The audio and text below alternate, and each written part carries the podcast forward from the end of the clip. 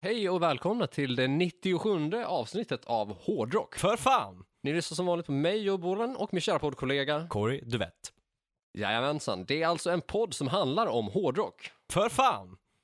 För den som är ny och har hittat hit för första gången. Jajamän. Idag så har vi att erbjuda ett um, fullängdsavsnitt som är tänkt att sammanfatta år 2021 som det har varit så som vi minns det och kanske även lite spaning om vad vi tror kan komma av det följande året. Jajamän, stämmer bra. Tänker du att vi diskuterar nyheter, bristen på nyheter eller tänker du att vi kör lite snack om eh, musik som varit? Vad, vad, vad vill du börja? Oj, jag är, jag är öppen för det mesta. Jag tänker väl kanske, eh, jag skulle kunna slänga ur mig eh, vilka, jag har gjort en lista på eh, de topp tre album som jag tycker har varit stuckit ut och varit bäst i år. Eh, jag har också gjort en lista på singellåtar som jag tycker varit bäst. Eh, så de tänkte jag ändå vi kanske kan slänga ur och du kanske har någon ungefär eh, någon tanke också på album och låtar som du tycker stuckit ut? Absolut, och om inte annat så har jag säkert en tanke om de tankar du har haft. Superbra. Så vi inleder med Corys list. Corys list. Icke att växla med Schindler's list. Exakt. Jag hoppas de innehåller olika saker. Jag hoppas fan i mig det också. album. Um, det här är, är det bra album? Det är bra album och det är utan uh, inbördes ordning. Uh, först ut så är det Eclipse platta som släpptes 2021 uh, eh, som heter Wired. Uh, supertrevlig platta, melodisk, lite tyngre. Erik Mårtensson är ju en, en jävel på att skriva hooks. och jag tyckte verkligen att den här plattan levererade i både ja, men lite partysväng, lite tyngre, men framförallt liksom väldigt melodic rock. Hooks. synd att den kom inte under sommaren, för det hade varit den ultimata typ sommarplattan. Eh, men den kommer ju nu på mm. hösten då. Så den är helt klart med på min lista. Sen om man liksom tittar över, det här liksom plattan som jag kommer ta upp nu är inte den bästa plattan som bandet har släppt, men i kombination med allting annat som har kommit under året så måste jag ändå ta med den. För jag tycker att det fanns ett gäng ändå bra alster på skivan. Och som sagt i kombination med, eller jämförelse med album som har kommit under året så tar den ändå en plats på min lista. Och det är Iron Maiden Senjutsu. Mhm, mm, mm. Jag tycker ändå att, jag menar, den, den har de låtarna som man vill ha. Visst, det är inte deras starkaste, långt ifrån. Men Maiden har ändå en ganska, vad säger man, hög lägsta nivå, eller ska jag säga. Ja, men det har de ju helt klart. så att det blir ju, alltså det är ju till och med så att man känner att det blir svårt att ja. sätta betyg på Maiden, just för att även när Maiden inte är så bra på att vara Maiden så mm. är det mm. ändå mycket bättre än ja. det mesta andra. Ja. uh, och man, man, man får ju så helt jävla orimliga förväntningar på just Iron Maiden för att det är ju, när de vill, så är det världens bästa band. Ja, exakt. Uh, och då blir det så, så svårt att liksom här, sätta, sätta det i kontrast till till, till annan musik. Ja. Man sätter ju det liksom i kontrast till vad Maiden kan vara. Ja, exakt. Det, det är ju liksom som ett helt eget fack typ. Mm. Så när liksom Maiden är 6 av 10 på en Maiden-skala ja. så är ju det ändå liksom åtminstone så här 7,5-8 ja. på en standardskala. Jajamän. Ja, så där är det lite svårt. Men jag tycker den får ändå en bra plats där. Den har gått, den har snurrat väldigt mycket eh, och framförallt eh, The Riding on the Wall och mm. eh, Hell on Earth har snurrat väldigt ja. mycket. Den sistnämnda har ju gått brutalt mycket för ja. egen del. Alltså jag, när, när den låten släpptes, eller när plattan släpptes, ja. eh, så kommer jag ihåg att jag spelade Hell on Earth på repeat i typ så här två och en halv, tre timmar. Ja. Eh, utan någon annan låt emellan. Men också, jag menar, den är ju typ 13 minuter jo, lång, exakt. eller 12, 39 något sånt där. ja. Så även de två och en halv, tre timmarna var ju kanske inte mer än en tio lyssningar. Nej, precis. det blir ju lätt så. Mm. Det krävs ju också ett Maiden just för att komma upp i de ja. siffrorna. det gör ju det. Uh, men från Maiden där till min sista där som jag uh, tycker har stuckit ut under året albummässigt. Det är Mammoth uh, eh, WH ja, W enkel VH. Uh, det är sonen till... Ja, det var fan ett svårt att uttala på engelska. Ja, det, eller hur? Jag vet inte riktigt hur man, W och sen hur- Vi? VH antar jag, ja precis, Mm. måste vara så. Um, Det är fan märkligt att de säger W med tanke på att det inte är W, det är ju W. Ja, exakt. Det, det är lite skevt. Ja. Eh, men i alla fall, sonen till eh, Eddie Van Halen då, eh, släppte sin första solplatta i år. Eh, där han spelar allt själv, han sjunger eh, allt själv, han har producerat den i stort sett helt själv. Så, Mm. Men han gör, han gör en Yngve fast bättre. ja exakt, han gör, det är liksom, ja, alltså det är en yngre fast bättre. Det är så här man ska göra det om man ska göra det och inte dåligt helt enkelt. Nej, och framförallt eh, så snackar vi om en person som fortfarande har kanske lite att bevisa Ja. på ett annat sätt. Ja, ja, gud Jag menar. Yng, Yngve har ju varit med så pass många Mm. år i branschen nu Mm. att vi behöver inte se honom göra allt själv Nej. för att imponeras över hans Nej. talang så, utan Nej. snarare tvärtom. Så nu är han så pass etablerad att vi kan liksom se honom göra bara den biten han är bäst på, så kan andra göra de andra bitarna. Ja, ja men exakt. Eh, men den här plattan är ju svinbra. Den är tung, den är melodisk, eh, den har, alltså, den kom, känns som en kombination mellan typ så här Foo Fighters, eh, eh, ja, Foo Fighters och Van Halen typ. Det, det, den känns modern men samtidigt hör man ju ändå såklart de in- influenserna som han har fått av sin, sin far liksom och, av, och de influenserna som han har fått genom att spela bas i Van Halen i många, många, många år liksom. Eh, men ändå väldigt, ja men egen och liksom såklart liksom vilja inte låta Van Halen utan låta, ja men, sig själv helt enkelt. Mm. Och en musikvideo där som för första singeln som släpptes, Distance, är ju också en, liksom, dels den låten, men själva musikvideon är ju bland det bästa som har kommit i år tycker jag, på grund av att den är så känslosam, att just den var ju en hyllning till Eddie Van Halen och det är så, allting är liksom, det, det börjar liksom när, med så home video-material när eh, Mammoth är liksom liten och sen så blir han äldre och äldre och så är det massa liksom, klipp med pappa sin och det slutar med att han står på scen och liksom ser hans uppväxt liksom. Och det, det, det är ju någonting som tar där med att det är ju så här home video, äkta material liksom. Inte en musikvideo som man har filmat runt utan det, det är liksom så genuint.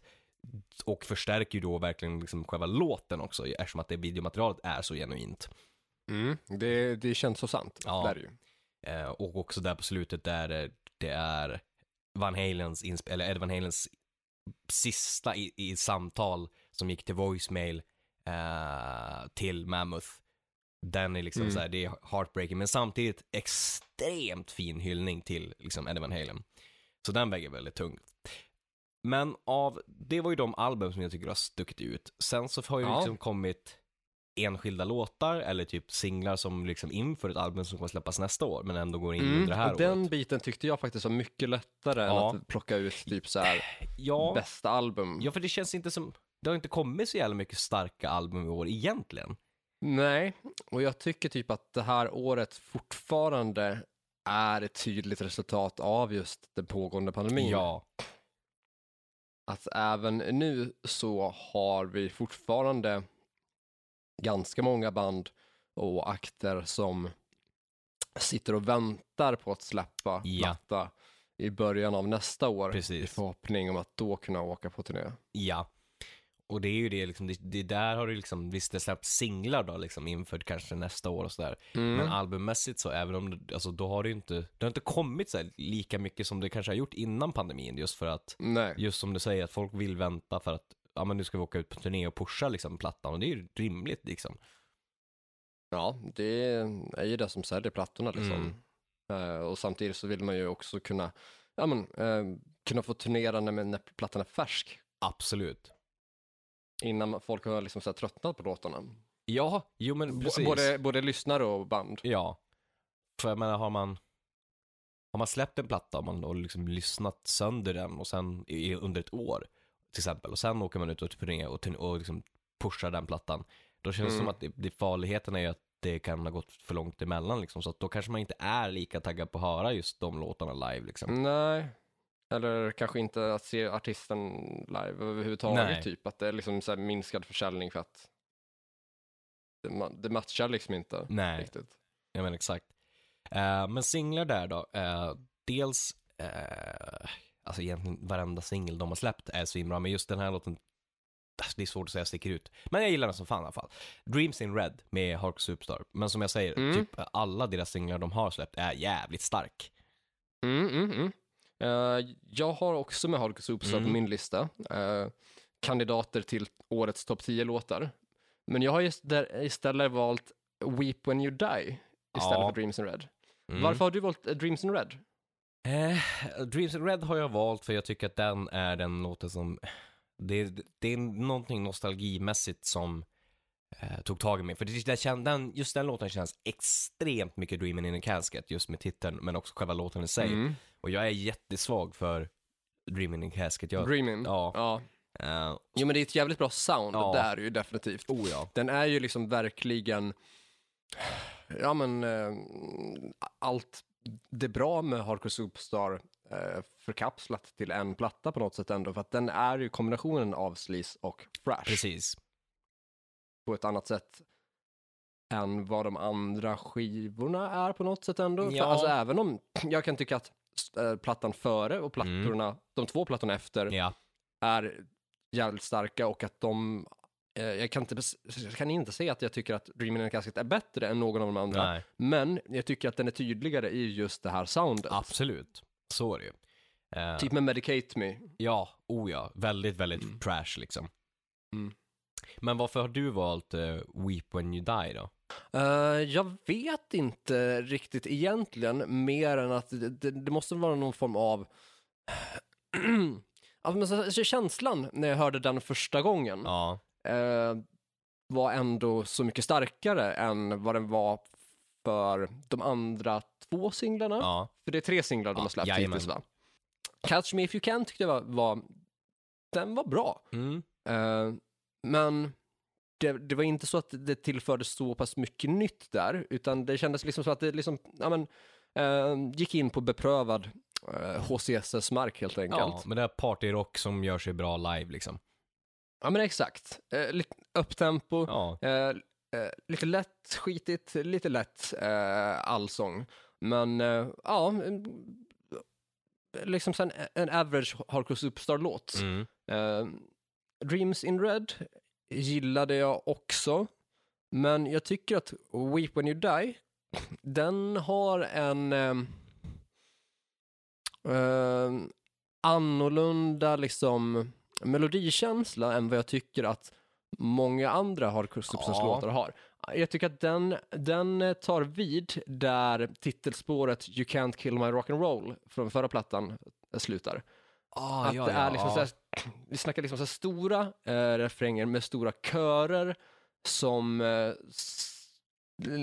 ja men, ger en annan typ av eh, vibe helt enkelt. Att det, att det, det låter allsång Mm, på ett annat sätt än vad man gjort tidigare. faktiskt. Och det låter hockeykör Ja. eller så här fotbollsläktarkör.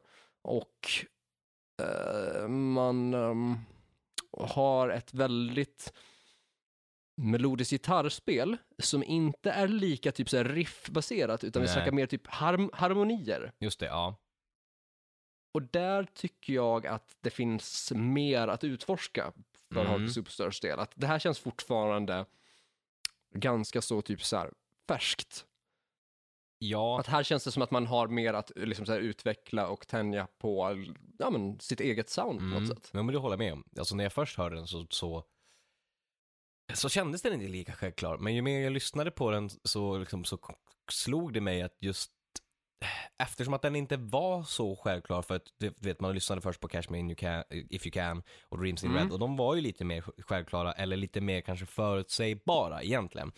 Mm. Eh, Lite mer vad vi förväntar oss Ja. av gruppen. då slog det mig att fan Weep When You Die är fan riktigt bra och fastnade för den då på grund av att jag tänk, kom, kom, så kom, det kom över mig själv att aha, ja men vänta nu, det är Hardcore Superstar men de utforskar, det låter ändå inte riktigt liksom fullt Mm. ut Hardcore Superstar. Och då var det som att jag var tvungen liksom att tänka om liksom, att det, det blev så annorlunda. Så först blev det så här, åh, man blir lite rädd liksom, åh vad är det här för någonting? Ja. Nej, nej det, det här, ja Mm. okej. Men sen när man sakta men säkert lyssnar in på det och kommer närmare och närmare, bara, ah, okej men det var inte farligt. Det var fan till och med uppskattat bättre liksom. Ja, Eh, det enda som talar emot den på något sätt alls är väl typ trumljudet. Ja, jo. För, alltså det här är ju inte för att vara taskig mot någon i bandet. Nej. Eller jag vet, jag vet inte vem som har rattat trummorna där. Men fan, det, det, det, det låter platt Ja, på eh, trumljudet och framförallt tråkigt nog av de här tre singlarna så är Weep When You Die är den som blir mest lidande av det för att den är ändå liksom så lite midtempo mm. och då blir ju trummorna mer bärande ändå för helhetsbandet. Ja. Det behöver att det ska vara tungt, Ja. att det ska liksom låta självsäkert och med pondus och det ska liksom Ja. vara eh, lite stakigare helt Ja men enkelt. exakt, vilket jag tycker är konstigt att det inte riktigt är. Dels så tycker Adde har ju ett sånt trumljud vanligtvis och ett sånt trumspel där det är oftast liksom tyngre. Men sen så, Ja, ja, han om någon har ju ja, stakar. exakt. Men sen så är det ju också samma producent som producerade svarta plattan. Vilket jag inte alls får gå ihop Nej. i mitt huvud. Eller hur? För där var det ju liksom, där var ju tryck och attityd och liksom bra liksom trumljud liksom och sådär. Jag menar Mm. liksom typ, Ja, alltså svarta plattan jobbade man ju verkligen Ja. på att få till en metal-känsla. exakt. Ehm, på alla sätt och vis. Till Ja. att få den låta liksom så här rifftung och ha eh, ja men eh, man hade ju, ja, men som att man hade liksom Ralf från Mustasch med på backing vocals Ja, på till exempel eh, Bag on your head och liksom, ja sådana låtar Ja. för att låta kraftigt och hårt medan här så har man snålat in på trumplatsen. Ja, det känns lite så. Det, det, vilket jag, inte, jag, tycker att det är konstigt liksom att det, det hämmar ju, alltså så, här, så är det med produktion och så. Jag tyckte det var samma sak med Bruce Dickinsons sång på Senjutsu, att jag tyckte att den var lite begravd liksom i, i, mixen och Mm. sådär. Och det gör ju att, även om du har världens starkaste material så blir det ju att om du inte riktigt lyssningsbart liksom känner att ah, fan, det saknas det här i mixen eller det känns lite tunt. Det hämmar ju liksom låtkvaliteterna liksom.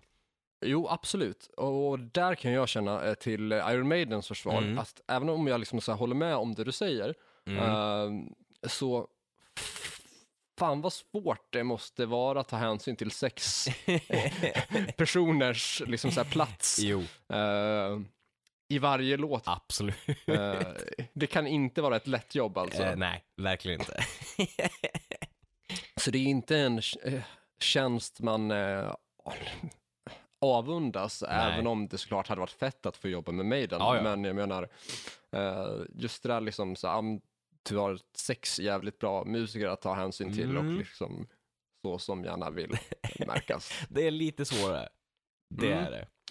Ja, nej men som, eh, som jag vet att vi- jag har sagt någon gång när bara du och jag har snackat så här privat, Ja. att det låter tyvärr, eh, lite grann som på Weepon, det där, Mm. trummorna där, att eh, det är någon som håller på och att repar låten Ja. lite grann, håller på och lär sig den lite. Och det är ju inte för att liksom, trumspelet i sig är dåligt, utan för att det låter inte tillräckligt kraftfullt. Nej. Utan som att man liksom, ja, håller tillbaks lite Ja, men grann. det eller känns så. Liksom typ fega lite grann, typ. Ja, men att slagen är så här typ 80% styrka, Ja. 70-80%. Mm. Man vill ju ha 110. Ja, absolut. Men så är det ju. Och så har det ju alltid dit varit. är det ju en bit. Ja. Ja. Eh, men vidare där så har jag några låtar till eh, som sticker ut som jag ska bara snabbt dra förbi. Det är S- Stop the Healing som var Korns senaste singel så inför deras kommande platta som släpps nästa år. Eh, Mm. men Den har jag fan inte hört alls den är riktigt bra. Eh, alltså den är svintung, den är, det är sjukt bra prodd på den. Eh, riktigt, riktigt bra. Eh, och, och lite annorlunda prodd än vad de haft tidigare, men den är jävligt bra. Eh, och bra melodiös refräng. Eh, sen är det Fuel for the Fire, eh, som är från Hardlines senaste album som släpptes i år. Eh, albumet rakt igenom, ja, ja, okej. Men Fuel for the Fire som var första singeln och är öppningsspåret, en av, eh, eh, ja, jag skulle säga i alla fall topp 10-låtar som Hardline har släppt. Mm. Riktigt så här, det man vill ha av Hardline, en liksom fet refräng, eh, stor sång, eh, liksom en stor låt och som är liksom bra prodd, bra party eh, och liksom attityd i, i Johnnys röst. Det är exakt vad jag tänker mig att Hardline är, Ja. utan att ha hört den här låten. ja, precis. Eh, Så den var riktigt bra. Eh, sen så måste jag ta med No Shame eh, Save the Noise version 2. Mhm. den, är jag nöjd, den är nöjd med och eh, de- den, Ja, men det får det vara. och den tycker jag blev, eh, jag tycker ettan är, den är bra, men jag tycker att tvåan blev mycket bättre. Det är en, liksom, det blev en helt annan känsla på den. Ja, det, det, är- det är ju ändå liksom olika sound på dem och Ja, ja, men det är tydligt, tydliga omtolkningar. ja, ja men precis. Ehm, så den, no shame, den, den är, tycker jag är en av 2021s bästa låtar. Eh, men det var de jag hade där. Eh, vad har du några fler låtar uppskrivna som eh, på din lista? Ja, ehm, jag hade ju gjort en lista här över kandidater till Ah. topp 10 låtar och jag kom fram till 12 kandidater. så jag tycker att de, de kan fan få vara med allihopa Det på, på ett varsitt hörn där. Ta en sipp monster här bara. Härligt. Inte sponsrat eller betalt samarbete med. Inte än. Inte än, men det hade jag definitivt kunnat tänka mig. Same. Det tror jag inte liksom att någon skulle ha så mycket emot heller. Jag tror att så länge som vi gör saker vi verkligen tror på så ska det inte vara något problem. Och men folk är väl ganska så säkra på att det dricks en del energi i burk. Ja. Det har vi inte stuckit under stol med tidigare. Nej, aldrig. Men då så, eh, kandidater till topp 10 låtar. Jajamän. Först på listan eh, skrev jag ner Hardcore Superstars Weep When You Die. Mm. Den har vi ju kört en del om nu, så vi skippar vidare information om den. Mm. Efter det, Ed Sheeran, Shivers. Ah, just det. Mm. Och jag tror att jag haft den som veckans tips. Det, jo men det har du. Ehm, mm. Och för den oinsatte som skulle ha missat det tipset eller ehm, det avsnittet eller vad det nu kan vara för någonting. Så jag har ju eh, åtminstone sen, eh, haft jag har uppskattat Ed Sheerans musik mycket tidigare och framför allt då typ första plattan och EPn Loose Change. Ja. Ehm, men eh, sen så är väl jag lite true på det sättet att därifrån så tycker jag bara det har blivit sämre. ja. Eh, och sen på andra plattan tror jag att det fanns två låtar jag gillade och då var den ena I See Fire, Mm. vilket är liksom Ho- Hobbit soundtrack-låten då. Och den andra tror jag var eh, Bloodstream, Ja, just det. om inte den till och med var på tredje plattan. Eh, om den faktiskt var på första plattan, då gillade jag nog ingen på tredje. Nej, jag Eh. för mig att du har nämnt det tidigare, att du, det är någon platta som du inte gillade någon alls på. Mm. Ehm, sen hade in- inte jag riktigt kollat in den här collaboration-plattan som han gjorde, där han hade alltså olika ehm, samarbeten på, på Ja. varje enskild låt. Så den har jag faktiskt dålig koll på. Mm. Ehm, och jag vet inte om den var tänkt att, om det är fjärde eller femte skivan, Jo, eh, det, eller hur det jag, ligger till liksom där. jag tror att det är fjärde, för det, jag tror, om jag inte minns fel, att det står typ, kol- att den heter typ så collaboration och så står det typ under det så NO4 eller något sånt där, så jag gissar att det är fjärde plattan. Mm, det är möjligt. I vilket fall som helst då så var det minst en hel platta där jag inte gillade en enda Ja. låt. Eh, det jag bara kände att, nej men vad, Vad hände här liksom? ja, vad har de gjort med honom?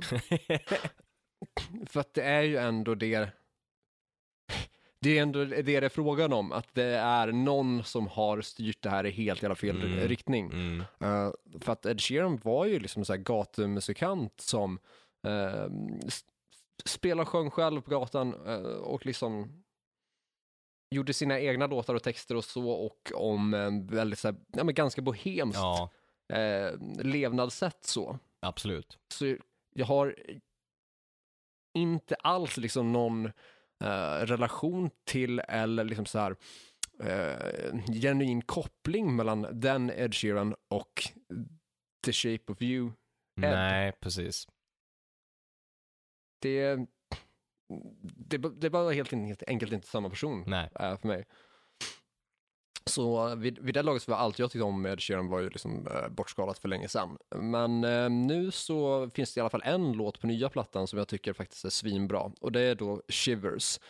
Eh, det tycker han har jävligt starka eh, sångmelodier. Mm. Det är eh, ja, men en eh, akustisk gitarr som får ta lite mer plats och samtidigt så är det lite typ eh, arenarock över eh, refrängen. Samtidigt som det är, eller ja, i och för sig, alltså arenarock, jag tänkte säga att det, samtidigt som det är arenarock så är det också jävligt här, modern pop. Ja. Och jag menar, alltså arenarock är väl egentligen att det ska vara lite så här kommersiellt gångbart, stort och så här poprock-aktig vibe överlag, eller så på något sätt. ändå. Ja, men precis. Eh, I vilket fall ändå jävligt bra låt. Ja, oh ja, det tycker jag. Eh, näst på listan, Mm. Thåström, Gyttjebrottaren. Ja, givet. Så bra Ja. låt. Yes, eh, en av mina absolut mest spelade i år. Kanske den mest spelade låten Mm. för egen del. Um, syntbaserad, syntdriven. Och jag vet att jag och min far diskuterade Thåströms senaste platta, eh, nya platta då, Mm. på telefon för ett tag sedan då han hade betygsatt varje enskild låt. Mm. Eh, och han sa att han tyckte att den, den här och undrar vad, De du behöver, att han tyckte att de två var de sämsta på skivan. Okej. Och jag håller absolut inte med, utan jag tycker tvärtom, att jag tycker det är de två bästa låtarna på skivan och att det här är eh, den tveklöst starkaste låten Thåström har gjort på väldigt, väldigt, väldigt många år. Eh, Jag är sjukt imponerad över eh, hur jävla självsäkert och självklart och dessutom genuint som han Mm. rör sig i det här syntlandskapet vid 64 års ålder. Ja, verkligen. Eh, ta vilken annan liksom 64-åring som helst som har rötterna i rock eller punk ja. eh, och, och sett dem i en, den här typen av låt och det skulle bara bli parodiskt. det är sant. Här gör han det så oerhört jävla självklart. Ja. Eh, och jag tycker att textmässigt så är det också starkt eh, narrativ. För att jag tänker mig när jag hör låten att det här är en eulogy, alltså ett hyllningstal eller minnestal vid en begravning. Så. ja, just det. Att det är det som hela låten handlar om. så. Och nu, nu är jag ute på lite djupt vatten här. Ja. ja. För att nu kommer det bli spekulativt som fan.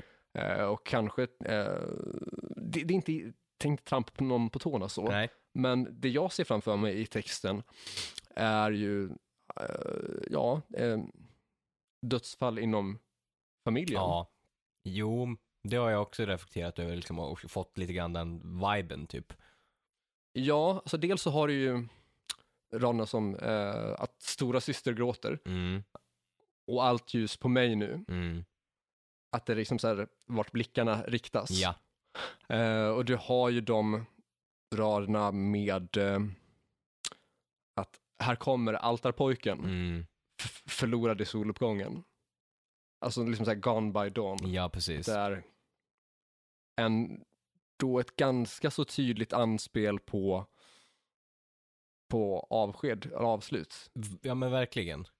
Alltså när jag, när jag hörde den så, eh, alltså jag fick ju, som du säger, jag fick, fick samma känsla och fick liksom så här ungefär som, eh, nu är inte det Magnus Ugglas låt, men jag kommer inte ihåg vem som gjorde original, men jag och min far.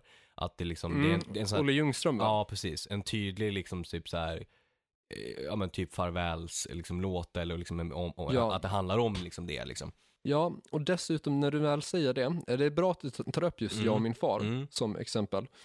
För att Thåström har ju eh, Främling överallt. Den handlar ju om hans pappa. Ja, precis. Ehm, och där har han ju någon rad som jag har för mig, bara on top of mind, att det är ehm, han skulle visst blivit tandläkare, men han hamnade i armén. Ja, precis. Och första raden i, eh, kanske inte första raden i Gyttebrotten, men, men första versen där så har du något i stil med att eh, kanske borde han ha blivit komiker, där det passat hans geni. Ja, precis. Du, i, både i Gyttebrottaren och i Främling överallt Mm. har en referens till vad personerna kanske borde ha blivit istället. Ja, Eller vad de kanske drömde om, Mm. vad de hoppades om, eller vad, en egen reflektion av vad de skulle kunna ha varit. precis. Så det känns ju som att dödsfall inom familjen inte är allt för långt bort. Nej, nej men verkligen inte, utan det, det, det känns fullt rimligt att det skulle vara så. Det är den känslan och liksom i själva låten men också i själva texten som, framförallt texten som den liksom, ja men anspeglar känns det som liksom. Och ger en känsla av. Ja. Um, och bortsett från texten då, stor låt som växer dels med eh, låtens gång Mm. och också med lyssningarna. Så. Ja. Um, där refrängen liksom blir större och större och mer och mer. ja, den växer verkligen. Mm. Den, den smyger sig på fram till liksom så här outrot där, Mm. där du får eh, First Aid Kit på gästsång där. Ja, just det. Mm. Som för övrigt är med på totalt tre av plattans låtar. Just det, fan. Um, väl strösslat där det passar helt enkelt. Ja men exakt, det, det är jävligt snyggt. Och också ju som den låten som du säger, den är pampig och den växer, men den växer också väldigt eh, successivt att, eh, ja men sakta men säkert och ja men väldigt väl strösslat på det sättet att det inte är, ja men en klichéartad tonartshöjning till exempel, utan att den, den verkligen tar den pampiga plats som den behöver liksom. Mm. Jag kan tänka mig att den här kommer vara grym live. Oh ja, oh ja, oh ja, Ehm, oh ja.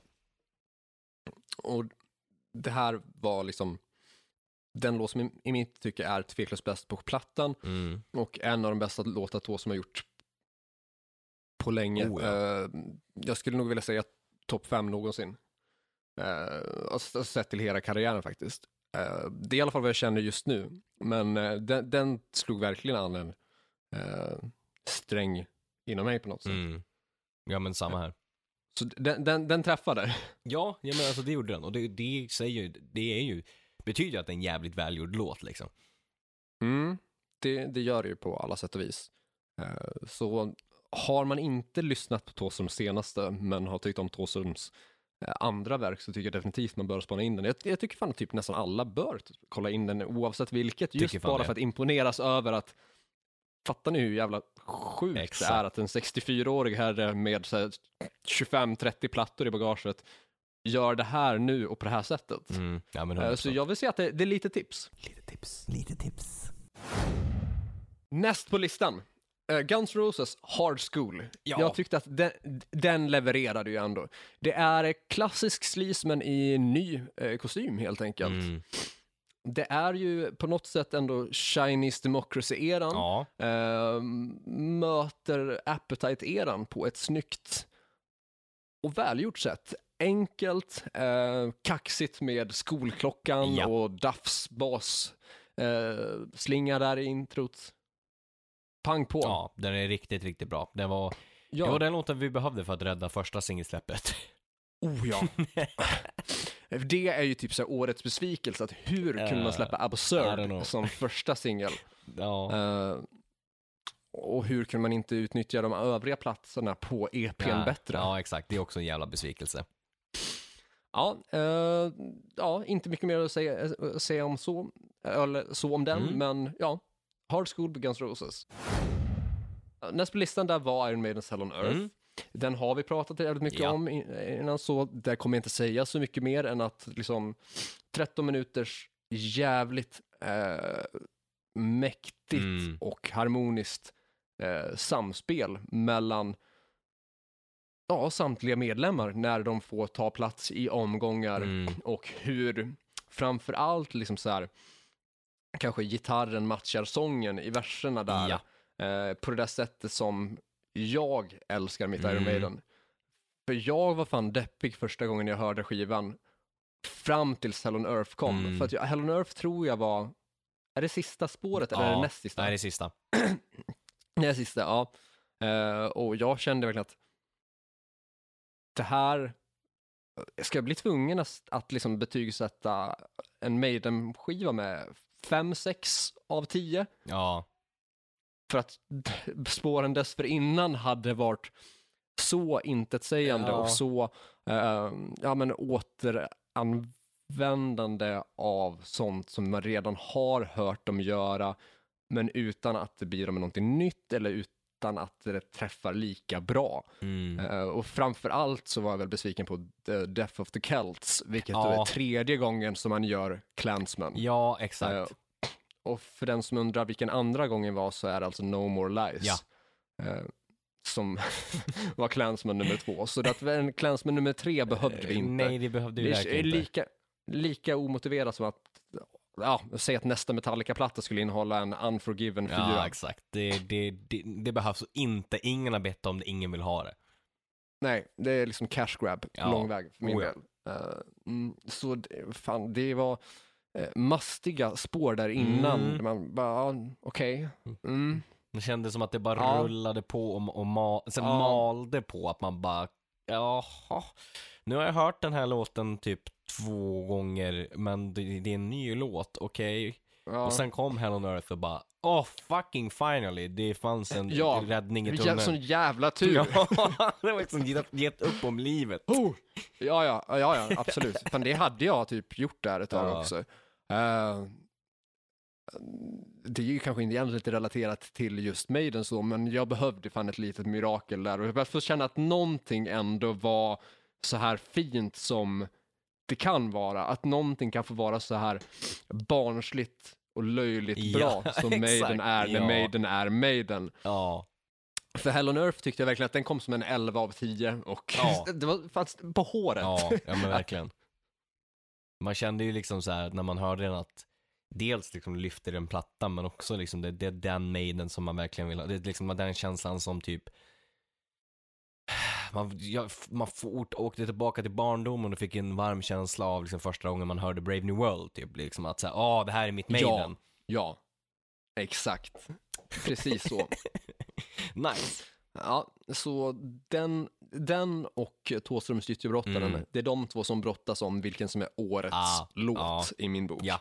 Det är bara de två som är contender till den. Mm. Eh, Så i så fall tycker jag faktiskt att den kan också vara lite tips. Lite tips, lite tips. För att är det två låtar man ska ha hört i år, så, eh, Då är det att- dem. Ja, exakt. Sen så var det vidare till den här lill-världen. ja. Det blir Lill Lotus med Rooftop. ja, okej. Ehm, förra året så fick vi ju uh, Machine Gun Kellys första poppunkplatta. Ja. Eh, och han var väl det första stora namnet så inom um, raprocken att göra en poppunkplatta. I år så fick vi istället eh, en platta från Lill Lotus eh, vars musikvideor, eh, eller musikvideo, Ja. filmats på exakt samma plats som omslaget till Machine Gun Kellys Tickets to My Downfall. Just det. Med skillnaden att Lill Lotus nu faktiskt är en bättre musiker Mm. och rör sig mycket mer bekvämt mellan gitarrer eh, än vad Machine Gun Kelly gör. Mm, faktiskt. För um, jag har kollat upp det här förut, minns jag, att eh, Machine Gun Kelly spelar ju lite gitarr på Mm. Tickets to My Downfall-plattan, Mm. men det är ju i princip bara singlarna han Ja. spelar gitarr på. Ja, exakt. Och det är ju för att han då ska kunna spela gitarr i musikvideorna. Se, det ser ballt ut liksom. Mm. Mm. Mindre ballt när han klev upp på den här jävla galan och skulle spela solo till, nu kommer jag inte ihåg vilken låt det var. Eh, och där det är liksom, det, det är typ nästan lika illa som liksom när eh, Lil Wayne liksom klev upp och spelade Gura liksom. Så här, du Mm. vet, alltså man bara, va, det, det lät väl okej när han spelade riffen, men det var just solot som var liksom så här, oj vad sker? Ja, alltså det är ju inte en bra, han är inte en bra gitarrist. Nej. Och det behöver han inte vara Nej, heller. Men det är där skon klämmer, Exakt. att han tror att han antingen är det eller att han behöver vara det. Mm. Nej, men liksom att, fan, vi alla köper att det inte är hans main-genre eller hans liksom så main-instrument, så liksom gör de bitarna som Ja men exakt, som du kan. är bättre. Ja. Mm. Eller sitt hemma och öva fram tills det är tillräckligt bra. Det är också ett alternativ. Alltså, jag Mm. menar, övning ger färdighet så att, Ja, så är det ju. Ehm, och som sagt, han spelar gitarr på ehm, typ singlarna. Jag tror att det kanske kan va- röra sig om kanske totalt fyra, fem spår ja, nå- på- något sånt. på, på plattan. Ja. Och de spåren, där han spelar gitarr, så är det så, alltså inte bara jävligt enkelt, utan också tråkigt gitarrspel. Mm. Att det är tydligt att det här är någon som inte har hittat sin identitet i instrumentet Nej, än. exakt. Utan det är bara, alltså det är samma tuggande. Tyvärr ja. Det är inga, ehm, det är inget eget uttryck i det och det är inget så här naturligt flow eller improv. Och då menar jag inte liksom så att man måste dra iväg ett spontant improviserat solo eller liksom Nej. något fill så, utan jag syftar till liksom så här hur plektrumslagen är. Jo, men exakt. har du spelat ett tag så hittar du ju dina egna sätt att ja, men ändra rytmen på lite grann. Precis. Det finns det inga som helst tecken på här, utan det är liksom en och två och tre och fyra. Ja, det är liksom väldigt, väldigt rakt och det är liksom, Ja. och det känns ju väldigt liksom, jag menar, beginner på det sättet att liksom, som du säger, inte hittat sin gitarridentitet liksom. På samma Nej, sätt som man precis. har hittat sin rap eller sångidentitet. Exakt, precis. Så uh, Lil Lotus gör sig mycket bättre i de här landskapen än vad Machine Gun Kelly gör. Mm. Eh, och jag tycker att Rooftop är ett perfekt exempel på det. Uh, så här, LA sommarmys möter liksom, ja, den moderna poppunken och rappen. Ja, nice. Eh, sen hade vi The Last Gang, Noise, Noise, Noise. Det är alltså då eh, kvinnligt frontat punkband med eh, starka Ah, ska-influenser. just det, ja. Vi snackar att det är um, ja, uh, midtempo, Mm. eh, lite mörk mystik över det hela och lite ja, gängkänsla av det. Det är väl lite grann det som namnet med The Last Gang på något sätt. Ja, Eh, där eh, jag tycker att framförallt kanske basen får ta en oväntat stor plats, men på ett jävligt bra sätt. ja, Eh, jag gillar ju, även, alltså, även om jag har trashat bas en del, så jag gillar ju en bra basist. ja gud ja. Eh, det, alltså det, det älskar man ju när man hittar en bra basist. Mm, mm. För att ganska många gånger, säger inte alla fallen, men kanske tyvärr typ 90% av fallen så är ju ofta basisten i bandet den eh, sämsta gitarristen Ja. i bandet. Mm. Eller den gitarrist som var sist in helt enkelt. Också den, jajamän. Mm. Man, man hade redan två gitarrister Exakt. och sen så ville man gärna ha med den här killen. Ja, så blir han basist. Och jag menar, ja. Ja, kan du tänka dig att slå på en sträng mindre? ja. ja, okej. Okej ja. då. Mm. kula för laget. Ja, och den, den har väl skett för alla som någonsin spelat i ett band. Eh, och så. Men eh, när man har en bra basist, Mm. då är det fan, det är ganska stor kvalitetsskillnad Det, ändå, det kan jag tycka. absolut. Alltså, återigen, ett band som Iron Maiden, Ja, ja. där Steve Harris är ledaren. Absolut. Så det, mm. med, med, med rätt bas liksom så eh, lyfter det faktiskt ganska många olika band. Så, och Ja. The Last Gang är ett sånt typ av band då. Eh, annat tips på typ så här punkinfluerat band där basen är viktig. Eh, Rancid. Mm. Absolut. Eh, ta en sån grej som att deras bäst säl- säljande, eller bäst, mest sålda Ja. platta, eh, And Out Come the Wolves. Eh, öppningsspåret på den plattan har ett bassolo. Ja, just det. Mm. Det, Det är fan kaxigt. det, ja, det är jävligt kaxigt. Och när man hör det så bara, vänta nu, vad, vad, vad, vad sker här? Bara, liksom, den genre Ja. inom musiken som inte ens har gitarrsolo. Exakt. Eh, Men har ett och så bassolo. bas, ja, mm, och det ligger så jävla rätt. Nice. Eh, Maxwell Murder, för den som vill Mm. kolla in det, det får vara lite tips. Lite tips. Lite tips.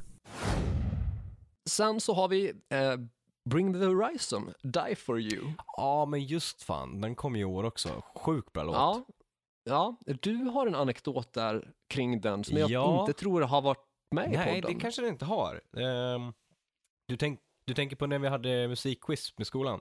Exakt, exakt. För det tror jag var ett face-to-face-samtal mellan bara oss två. Ja, jo men det stämmer nog. Eh, jo men precis, jag var på kick-off med eh, min, eh, min klass då, eh, vi som studerar Music Business Development. Eh, och så var det, eh, så hade vi, hade vi musikquiz, det var fem olika genrer eh, och så var det då, den hade precis släppt så det var väl typ så här eh, någon topplista ehm, grej som, som tema liksom på, på det, just den musikquizgrejen. Uh, och då kom den här låten och i andra laget, ett av, ett av de andra lagen så sitter det en, liksom en, en polare eh, och en, eh, men en klasskompis som uh, jobbar liksom som låtskrivare och skriver väldigt mycket åt en hel del. Um, och bara, ah, men vad fan, var det här? Liksom, när, när låten kommer igång från början. Poppigt, Uh, fan Justin Bieber har släppt ny låt. Det, nej, men det kan det ju inte vara för det, det borde jag ha haft koll på säger han. Och sen sitter han och funderar på vad är det här? Liksom, han skriver ju väldigt mycket pop liksom. Uh, och sen när den väl drar igång liksom, efter det där liksom, refräng, eller liksom, ja men intro med refrängen och så kommer liksom growlet så bara flyger han från stolen bara ah, what the fuck? Det var, och kändes så oväntat men bara ändå han som liksom popartist liksom, som, eller poplåtskrivare liksom, tyckte det var, funkade så jävla bra liksom. Ja, för det de gör är ju att de rör sig också Ja. jävligt självklart mellan olika genrer. Exakt. Och för den som inte har hört den här låten Die For You, eh, klyschigt nog med en fyra och ett U Ja. efter Die, eh, så är ju introt, utöver att liksom det är väldigt melodiöst, Mm. så är det samtidigt också väldigt elektroniskt. Väldigt. Att det låter väldigt modern pop. Mm, men det gör det. Eh, och jag ser verkligen hur man skulle kunna ha lyssnat på, är det Stay den heter, med eh, Justin Bieber och eventuellt Kid Laroi. Ja, det gör de va? Jo, precis. Ja. Alltså jag, jag ser en väldigt tydlig och rak linje mellan den Ja. och Die For You av Bring Me The Horizon. Så jag fattar ändå så här, tänket på att, att, att, att din klasskompis ändå tänker att det här skulle kunna Jo, vara något åt det här ja men hållet. exakt. Ja, 100 procent. Så ja, inte alls konstig tankegång så. Och den här låten då tycker jag, som sagt jävligt bra, den har definitivt en plats på listan. Ja. Sen så har vi Sawiri feat Doja Cat, låten Best Friend. Såklart. är ju jävligt svag för Doja Cat Ja. och eh, eh, ja, Best Friend ett, ett av hennes starkare exempel på låtar så eh, och collabs Mm. så. Eh, jävligt snygg musikvideo eh, för att hon är jävligt snygg. Eh, inte mer komplicerat än så. Nej. Eh, men inte så mycket mer hårdrock än så heller. Nej. Så vidare på listan till The Helicopters, Reap a Hurricane. ja, sjukt bra låt. Jävla bra det blev. Riktigt bra. Alltså Mm. Här har tiden stått still men på helt rätt sätt. Ja, alltså verkligen. På ett sånt sätt som känns naturligt liksom. Ja, för nu är det ändå eh, 13 år sedan förra Helicoptersplattan. Det är fan länge sedan. Och då var det en coverplatta. Ja, just det.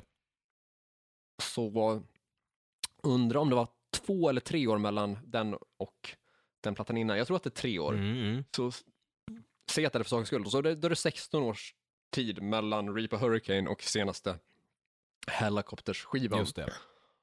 Och det låter precis som vi vill att Helicopters Ja. ska göra. Absolut. Utan att låta gjort Nej, nej exakt. på något sätt. den kändes nytt, känns fräscht och framförallt det lät Helicopters. Ja, det gör det verkligen. Kul ändå på något sätt att liksom så Reap a Hurricane känns ju som Alltså, man förknippar ju Helicopters med den där äh, loggan med åskmolnet Ja, på något sätt. precis. By the grace of God liksom. Exakt, precis. Så det är lite på något sätt som man har, jag vet inte, typ så här f- förkroppsligat loggan i en låt. Faktiskt. Det, det känns så. Ja, och eh, Dregen, eh, jag vet inte vilken, vilken roll han har haft i inspelningen, eller om det är som så att det är Nicke Anderssons liksom så här, Ja, låtskriveri. Eh, hur, hur den, den biten kan jag inte riktigt uttala mig Nej. om i alla fall. nej. Men jag tycker ändå att Helicopter som sådant låter som att det är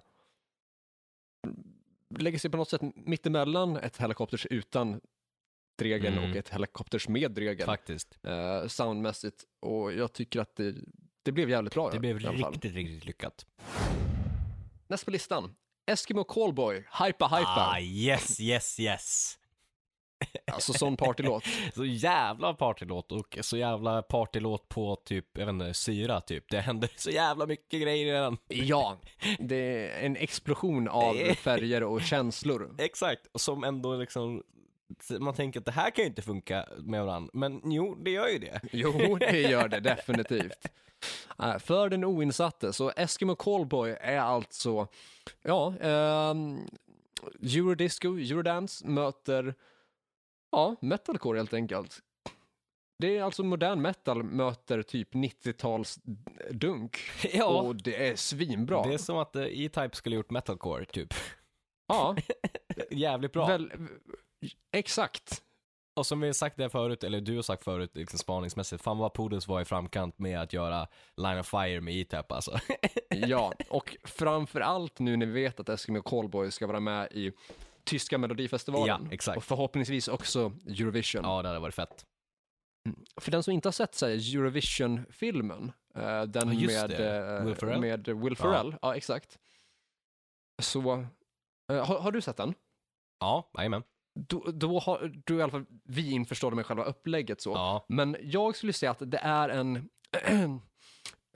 det, det är lite av en parodi, Mm. men samtidigt så är det liksom, alltså det, det är ändå ett porträtt av hur Eurovision faktiskt är, Ja. med väl, väldigt, väldigt lite twist mm, ändå. mm. Att, alltså när man ser sådana här klipp som typ Vitas, Ja, Eh, och liksom, ja, allt som kan, kan vara med i eh, Eurovision, som Lordi eller eh, vad det nu kan vara för någonting.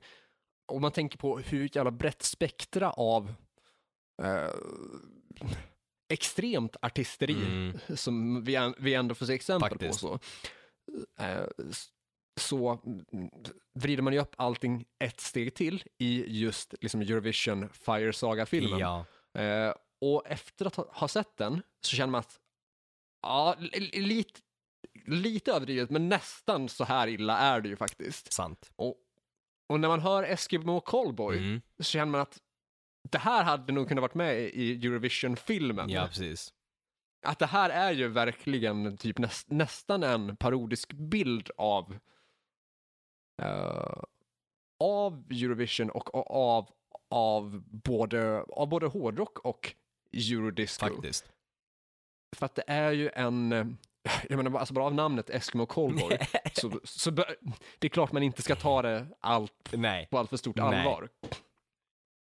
Men eh, musiken i sig Mm. och så är ju inte ett dugg lidande av humorn eller Nej. av det liksom som skulle kunna vara en eh, humoristisk as- aspekt. Så, Nej, utan verkligen. tvärtom tycker jag att det bara tillför mer för att då kan man köra ännu hårdare Mm. på mashupen och liksom så här gå till de extrema delarna av diskon och Ja, metalen. men exakt. Nej, det funkar jävligt bra. Ja, det, fan, det är nästan så att det var svårt att göra den här typen av musik om man inte hade haft humorinslag. Ja, ja, men faktiskt. Eh, sist på listan, Sabaton Christmas Truce. Åh fan, den var oväntad. Ja. Ja, eh, men jag tyckte om den. Ja. Jag tyckte det var ri- riktigt bra. Alltså den, de har ju lyckats göra en jullåt utan att det blir en, en jullåt, om jag säger så. Att det liksom inte Mm. är, åh nej, Steve Perry släpper en cover julplatta liksom på låtar som Nej, alla exakt. har gjort hundra år liksom. mm. Utan det kändes ju, kändes ju väldigt Sabaton och utan, med en snygg twist att liksom Christmas Truth fortfarande är historiskt men ändå en typ av jullåt liksom. Utan att det blir för mycket jullåt. Ja. Ja, alltså det var ju precis det här som vi typ eh, spekulerade i inför släppet. Liksom, hur mycket jul kommer det vara? Exakt. Och det är lagom mycket Ja, jul helt precis. enkelt. Man har, man har gjort det precis rätt för att vara inom Sabatons ehm, idé så, av vad bandet är. Det får passa deras koncept. Ja men gud ja. Samtidigt som det också passar konceptet jul. Ja. Så det är verkligen, det är snyggt, det är en finess liksom. Det är det definitivt. Och eh, just det här när vi snackar julcovers också, så uh, introt och framförallt outrot Mm.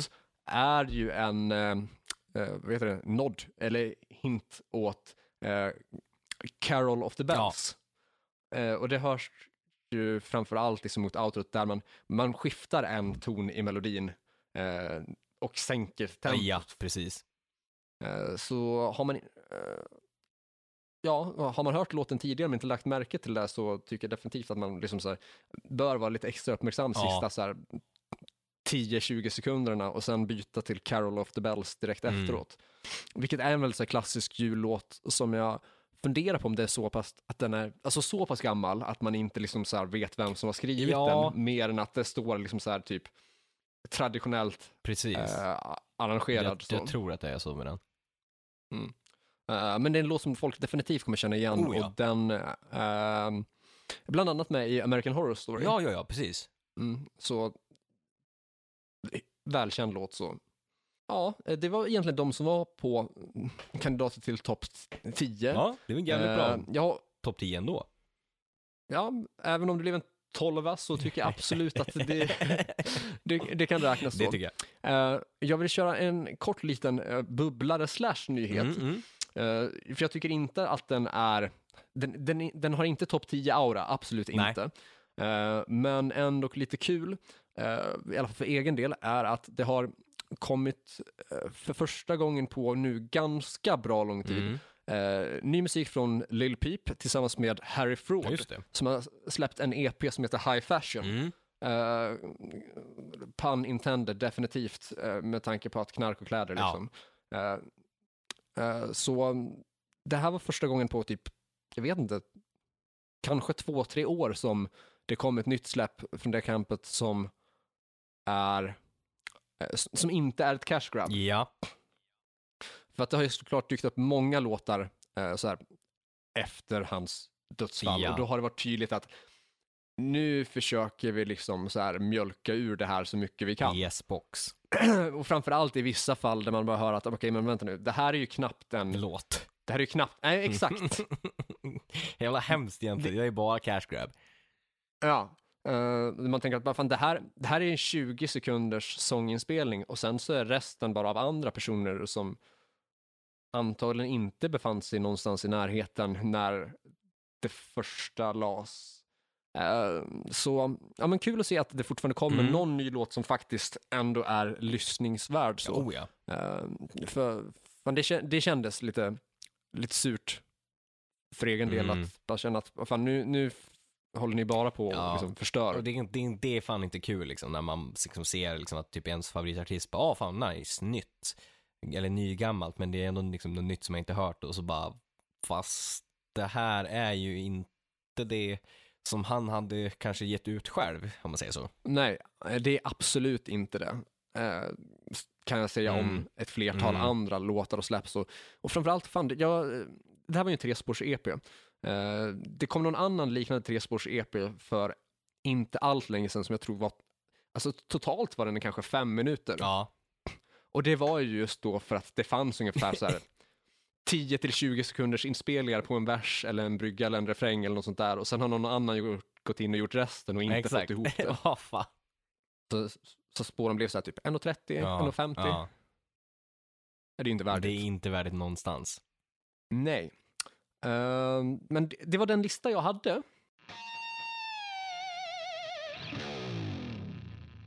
Har du någon till lista att ta upp? Ja, jag har en, en som jag ska liksom bara mata igenom, men som ändå är värd att ta upp, som är, alltså det är ett nytt, det här, det här året är liksom över, eh, snart, eh, och det som livet är, eh, har vi ju tappat, eh, Över. ja exakt. vi har ju liksom tappat en hel del eh, musiker eh, under det här året, som varje år liksom. Så, Vi har tappat det en hel del. ja, det inte bara en gång har vi tappat det. Så jag tänkte jag läser igenom, för det, när jag tittade igenom den här listan så bara, fan, det var många i år alltså. Eh, Mm. och ändå många liksom stora namn på det sättet. Eh, så jag, jag köttar igenom helt enkelt. Eh, vi har ju dels basisten i CC Top som gick bort. Eh, vi har Mm. trummisen Charlie Watts från Rolling Stones som gick bort. Vi har Mm. Sylvain, eh, Sylvain Sylvain eh, som var om jag, gitarrist i New York Dolls, kommer jag- om jag tror det. Eh, Mm. LG Petrov som var sångare och frontman i Entombed. Ja. Eh, Brett Bradshaw som var Faster Pussycats trummis. Mm. DMX, Ja. Mm. rappare. ja, det lät alldeles för positivt. ja, tack! ja, mm, fan, det hade, ja, men det, ja, mm, ja, mm. rappare och shit, skådespelare. Ja. Eh, John Hinge, tidigare trummis i Judas Priest. Eh, Tane Kithane, eh, som, var tru- eh, som var skådespelare och eh, en hair metal-ikon som var med i Whitesnake och Rats eh, videos och omslag och sådär. Eh, Johnny Solinger, tidigare sångare i Skid Row. Mm. Ja, just fan. Ja. Mm. John Lawton, eh, som var sångare i Uri- Uriah Heep förut. Jeff LaBar, som var gitarrist i Cinderella. Gary... Om han verkligen var Ja, det. det är Alltså, frågan. jag, det är jävligt oklart vilka som har spelat i Cinderella och inte. Exakt. Men det påstås att han var. Yes. Gary Corbett, som uh, var keyboardist i Kiss och Cinderella, tveksam på Cinderella, men de säger det. Mm. Mm. uh, Robbie... Ja, jo, fast det, det tror Ja. jag för att han har inte synts. Nej, Så då tror jag att han Exakt. faktiskt var med i Cinderella. exakt, bakom kulisserna. Det, det tror jag fan är grund... Eh, eh, eh, jag, jag tror att det är nyckeln till sanningen om Cinderella. Ja, exakt. Va, har vi sett honom på scenen? Nej, då är han med. Ja, exakt. Eh, Robbie Steinhardt, eh, violist och sångare eh, och co-founder i legendariska bandet Kansas. Joey Jordison, tidigare trummis i Slipknot. Mm. Mike- Och även i eh, Murder Dolls. Exakt. Eh, Mike Hove, eh, Metal Church-sångaren. Eh, Alan Lancaster, tidigare eh, basist i Status Quo och eh, founder. Eh, Herbie Herbert, Journeys legendariska manager och massa andra bands manager. Mick Rock, legendarisk fot- rockfotograf. Och såklart, inte att förglömma, Hank von Helvete. Yes. Det är, en, det, är en, det är en stor lista det där av tyngre namn inom industrin. Ja, det är det ju tyvärr. Ehm, fan, ja, det, det är lite ledsamt när man Ja, hör exakt. alla så här efter varandra. Ja, och också så här, typ så här som det känns som här året, vad man tänkte liksom så här med Joey Jordison och liksom och några, några andra som man höjde på. Just det fan, han gick bort i år liksom. Och egentligen inte att förglömma heller. Dagen idag, eh, så det är ju sent, sent december, så det egentligen är det inräknat på det här året som 2021 och inte 2020, är ju Alexi Laiho. Lion, Mm. ja det var det jag tänkte fråga härnäst, typ. Yes. Om han dog i år eller förra Ja, året. nej, han dog ju typ två dagar innan det nya året, så det är väl ändå inräknat på det här tycker jag. Ja, men vi fick beskedet i januari, eller hur? Ja, precis. Han dog Ja. slutet på, nu typ datumet idag, om det var 30 december, men vi fick beskedet i januari. Mm. Ja, men då, det, det gills. Ja, absolut. Absolut. Eh, Men det är, det är tråkigt att liksom läsa den listan, men vi, det är som varje år, vi tar upp det här för att liksom hylla de musikerna och liksom eh, kreatörerna. mm, men också lite grann driva med vilka som var med i Cinderella och Exakt. inte. Det måste man få göra. ja.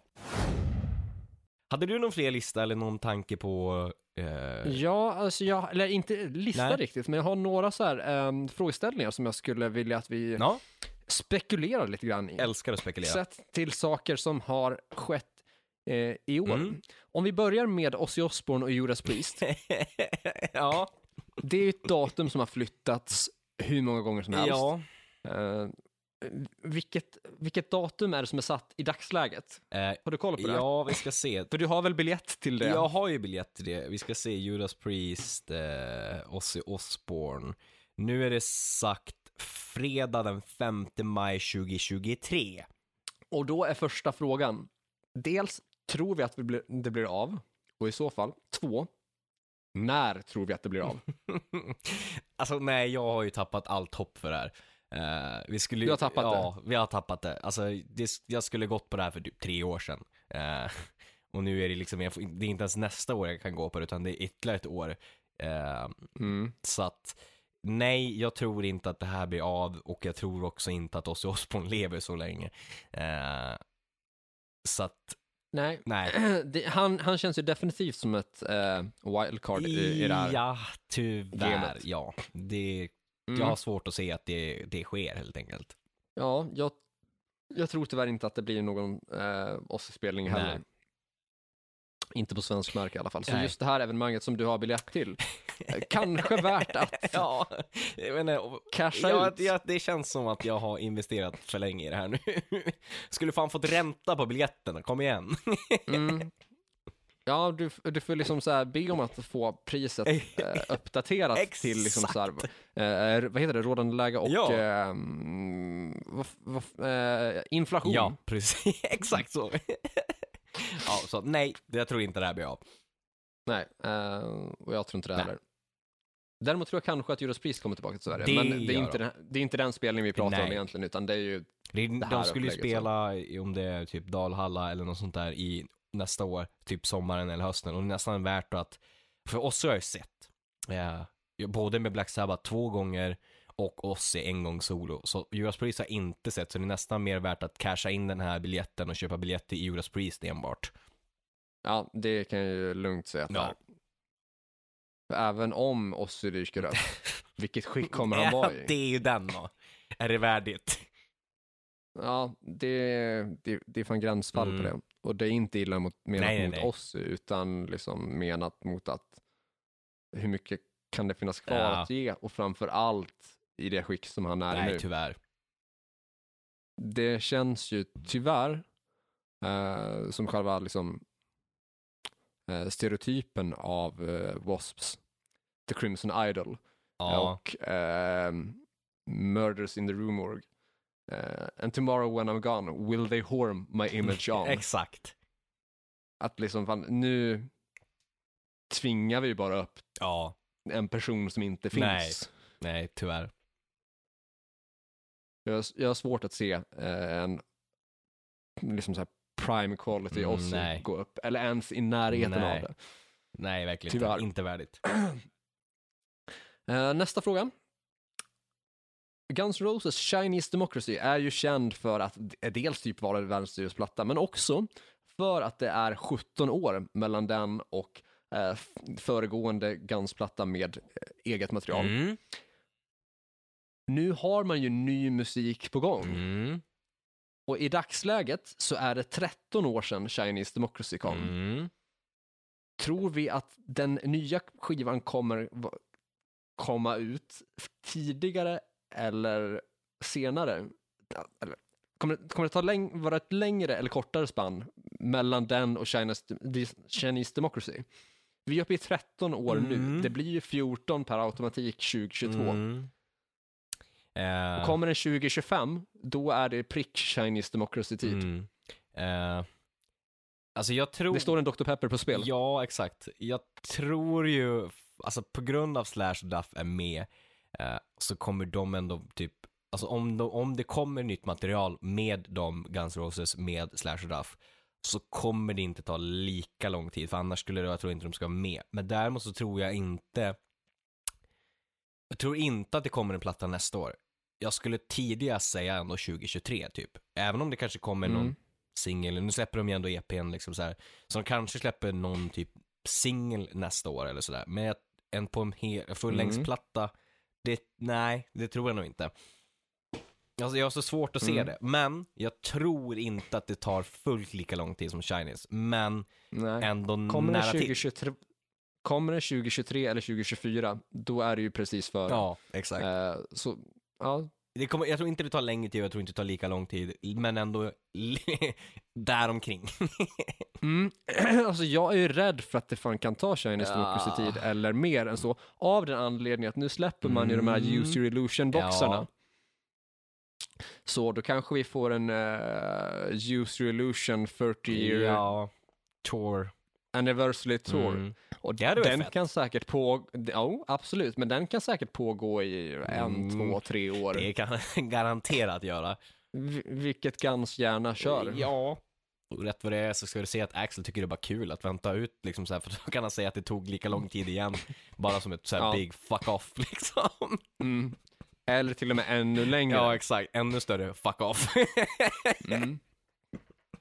Så alltså, jag tror faktiskt inte på en, en, ny. Guns-platta innan, eh, eller inom Chinese Democracy-spannet. Utan jag tror att det blir samma spann eller mer. ja, okej. Ja, alltså jag, Så tidigast Guns-platta 2025. jag, sk- jag tidigast. skulle inte våga sätta i, emot en Dr. Pepper i alla fall.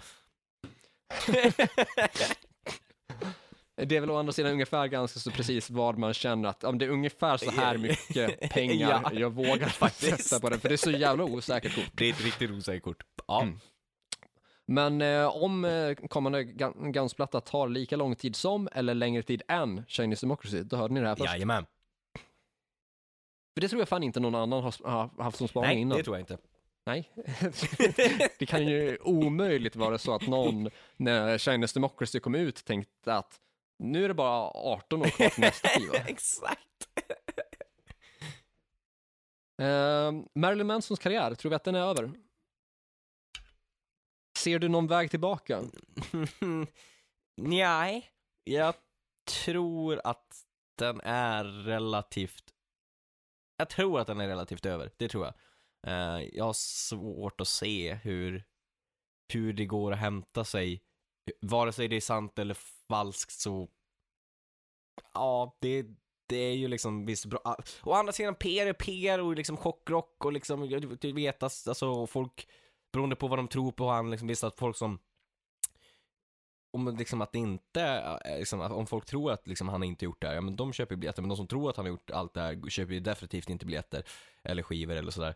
Eh, å andra sidan så musiken i sig kanske liksom man gillar och ja, jag vet inte. Det är så svårt med det här. Vi har ju haft liksom ett, te ett tema om det här, du vet, shitty person, men musiken i sig då är ju, mm, ja. Mm. Pro problemet här blir lite grann att Marilyn Manson är ju beroende av andra låtskrivare. Det är ju det. Uh, för även om man skriver all text ja. själv så är mycket av musiken uh, skriven av en eller flera andra uh, bandmedlemmar eller studiomusiker. Ja, men precis. Vilket gör att han måste ha folk som vill samarbeta med honom och det kanske inte är så jävla lätt. Mm, och framförallt inte nu när han dessutom har blivit droppad av sin label. Nej, det är väl det som är problematiken, att det kan vara svårt att hämta sig för att om inte någon, liksom, han behöver ett bolag, han behöver ett management, han behöver ett gigbokningsbolag liksom så här, och då, det kan vara svårt liksom. Ja, eh, det osar ju cancelled mm. ganska så lång väg. Oh, ja, det gör ju det. Så ja, jag skulle nog till 90% eh, ändå säga att ja, jag tror att den karriären är död. Det tror jag också. Jag tror att enda möjliga utvägen, mm. vilken är så lång väg mm. ändå att gå, är om han i och med det här Kanye West-nyheterna mm. om att de har mm. bönecirklar, mm. eh, det skulle ju vara om amerikansk kristen höger omfamnar honom som omvänd och konverterad och som sin nya, eh, så här, ja, jag vet inte, sitt nya projekt på något ja, sätt. Ja, faktiskt. Men det känns som att det är en lång väg att gå. Ja, det, ja tyvärr. Och även så så är ju Marilyn Manson i så fall död, utan då får det väl säkert bli något annat. Någon annan, ja. ja. Exakt. Uh, så ja, jag tror att Marilyn Mansons karriär är ja. körd. Tror vi att Machine Gun Kelly byter genre på nytt? Ja. Nu när han, ja. Ja, det tror jag nu när han ändå har förargat och upprört eh, också. Eller, ja, och, ja. Ja, ja, det känns communityt så. överlag. Jag tror att det är dags, eh, eller att det kommer bytas eh, genre. Att han eh, själv kanske inte vill identifiera sig där längre. Mm, mm. Nej, det känns ju som att hans stöd där har ju svängt mm. ganska så mycket i ja, fel riktning. Ja. Eller alltså rätt riktning sett till jo. hur han har betett sig så, men uh, inte i favör för MGK nej, i frågan. Nej, verkligen inte. Uh, och det, det är fan, ja, jag tycker det är trist. Uh, ja. Inte för att inte för att jag inte tycker att det är befogat, utan snarare för att jag ja, men ändå var lite grann på hans sida från början. Och, alltså, inte i Corey Taylor-grejen, men just det här med att med att byta genre mm. och med att jag inte tyckte att jag tycker inte att Eminem eh, liksom så här, ja men fick Machine Kelly att byta genre utan jag tror snarare att, eh, alltså dels Machine Kelly har alltid haft rock mm. och metal-inslag i sina låtar ja, med gitarrer och liksom eh, ganska harsh ja. rap så, så att det hade haft en tung och aggressiv ton så. Mm. Uh, och att hans medverkan i The Dirt, ja. alltså Netflix-filmen då, att den var ganska avgörande för ja. att vilja prova sig på att köra, ja men, renodlad rock, ja, faktiskt. helt ja. enkelt. För, där, där, spelar han Tommy Lee mm. och han spelar ju trummor på riktigt. Ja men exakt. Så han lärde sig liksom, ja men, grunderna för att spela trummor. Så det, med det liksom i Uh, ja, som bakgrund så tycker jag att det kändes som ett genuint byte jo, av genre. Så. Och då är poppunk jävligt behändigt ändå för att det inte är svårt att spela. Nej, nej men precis. Vad han nu än håller på med nu så får han ju gärna sluta med det. Ja, please. Det, alltså, ja. Det var ju jävligt onödigt Det tycka. var ju lite dumt kan man ju säga. det, det ser ju bara dåligt ut för hans del. Ja. När han liksom håller på och... Nej, bara fan. Ja, men, alltså, alltså, barnsliga Ja, bråk ja. och beefs ja. till höger och vänster. Och sen så dessutom när det kommer fram tydligt svart på vitt att men, han ljuger ju. Mm. Han hittar ju på. Mm. Det är han som är full of Exakt. shit. Inte någon annan. Nej. Det är så jävla dumt.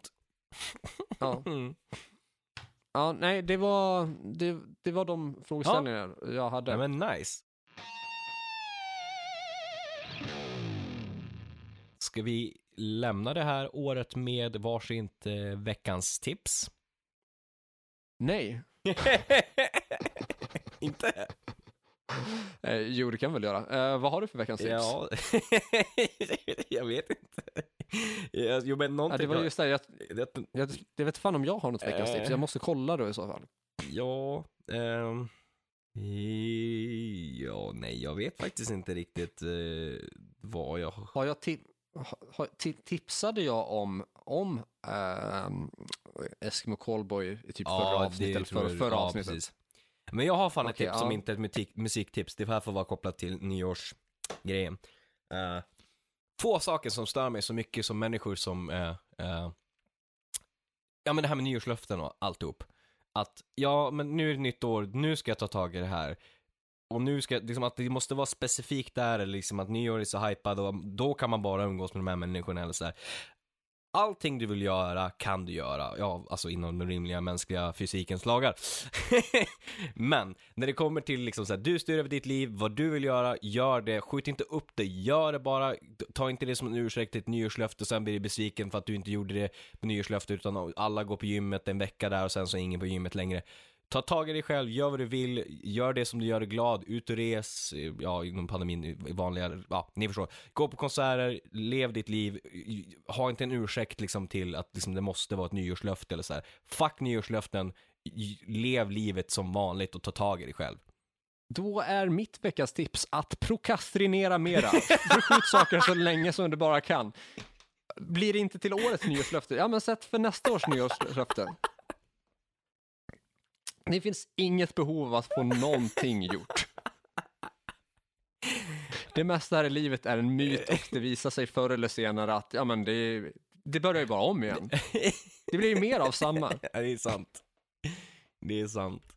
Uh, ja, fan. Det, Var och en med sin egen olyckas smed. underbart. Uh, sista, alltså det jag kan säga, är, som inte är tips utan jag kom på. eh, det här året har varit bra, det har det, även om det var konstigt. Jag är stolt över dig och mig, jag är stolt över podden, Mm, jag är stolt över det vi har Mm. fått gjort. Jag är stolt över Saved Noise, jag är stolt över att jag släppt eh, singlar med Veritas, att jag har släppt singlar med Corey Duvett, eller ja, en singel, eh, covers, eh, och att ändå det här året, de positiva sakerna överväger ändå. De negativa sakerna, även om det många gånger kan vara svårt att fokusera på det sättet. Eh, men jag är tacksam för det, och jag är framförallt väldigt stolt för att vi har gått ett helt år, vi börjar närma oss 100 avsnitt på, på ihållet Mm. för fan, så en klapp på axeln för eh, hur mycket vi har levererat i år, eh, du och jag tillsammans. Ja, men det tycker vi ändå vi är förtjänt Mm. av. Jag tyck, det måste jag ändå få säga. Uh, podden, alltså, jag har fortfarande så här, alltså stundvis känslan Ja. av, alltså när vi har eh, avslutat en inspelning, att fan det här var Ja, ja, visst. Det var, det var kul. Ja. Liksom, det, det, det flöt så. Och det tycker jag ändå är, det är fint att få känna så när man har gjort typ så här nästan hundra Ja, förlängningar. ja, men exakt. Och, det är fortfarande roligt, det är fortfarande givande liksom. Ja, men exakt, precis. Och att få, få ha den känslan, Ja. det, det, det är skönt. Det är Ja, fint. verkligen. Det visar ändå att man gör något rätt, så, Ja. oavsett om det är eh, frågan om, ehm, ja, alltså oavsett hur det skulle se ut med eventuellt typ eh, ekonomisk Mm. vinning eller med lyssnarantal Mm. eller sådana saker, så just det här jag känner att vi är nöjda. Ja, men exakt. Och det är väl det som är det viktigaste. Det är jävligt viktigt, ja, exakt, det är, en, det är liksom den avgörande grunden oavsett hur mycket pengar eller Ja. hur mycket så här, lyssnare eller så som skulle vara involverat. att Absolut. liksom, eh, för jag känner ändå att ja, men, vi hade kul. Ja. Och jag menar, är det inte kul, då ska man inte syssla med de saker man gör liksom. Nej, och framförallt inte när det kommer till artistisk Nej. verksamhet. Det är liksom inte värt det om man inte tycker det är kul. Nej, absolut inte. Men då så, då eh, har vi våra sociala medier och dylikt. Ja, absolut, det har vi. Tack. Bye! Eh, nej, men ni får väl gilla vår Facebook-sida där vi heter Hårdrock. För fan. Uh, prenumerera på vår YouTube-kanal där vi heter Hårdrock. För fan. Du har ett Instagram-konto som heter Corey Dvett, ett ord och du har ett Instagram-konto som heter? Joe Borderline, ett ord. Och utöver det så får ni jättegärna bli patrons. Ja. Uh, fan, det har inte nämnts något i det här avsnittet tror jag inte. Uh, Nej, det har nog Men uh, går man in på patreon.com slash hrffpodcast så då kan man ju få en hel massa bonusposts och bonusavsnitt Jajamän. och diverse smått och gott. Uh, hyfsat, naket, avskalat och ärligt. Uh, både om saker som sker, men saker som har hänt och saker Mm. som kunde ha skett eller kan Ja. komma att ske. Precis. Eh, Det är lite mer spekulativt där och det är lite mer liksom så här work in progress och det är lite mer behind the scenes helt enkelt. Ja, verkligen. Och blir ni Patreons nu så, jag menar, nytt år. Det innebär att som, eh, har man eh, på den, jag Nivån. vet inte vilken nivån den ligger på precis, Ja. så får man välja, vi levererar ju bonusavsnitt, men man får också då komma med ett önsketema helt enkelt, som vi Precis. levererar. Exakt, det stämmer bra. Ehm, Det är sen gammalt. Jag menar, vi eh, Mm. hade väl någon form av coronarabatt där och sen räknade vi inte Ja. kanske med att coronan aldrig skulle ta slut. Nej, så den är pågående. Yes. Hade jag sagt sagt mail? Jag sa mail Nej. Nej. Nej. Nej, då får man gärna dra iväg ett mail till Ja. hrffpodcast.gmail.com. Ja, Ja, i övrigt är det inte så mycket mer än så va? nej, Ska inte vi alls. för sista gången för det här året rulla tutan? Det gör vi. Fint som smör. Yes, nytt avsnitt inom kort. Fram tills dess, lyssna på hårdrock. För fan. Gott nytt år! Scheim.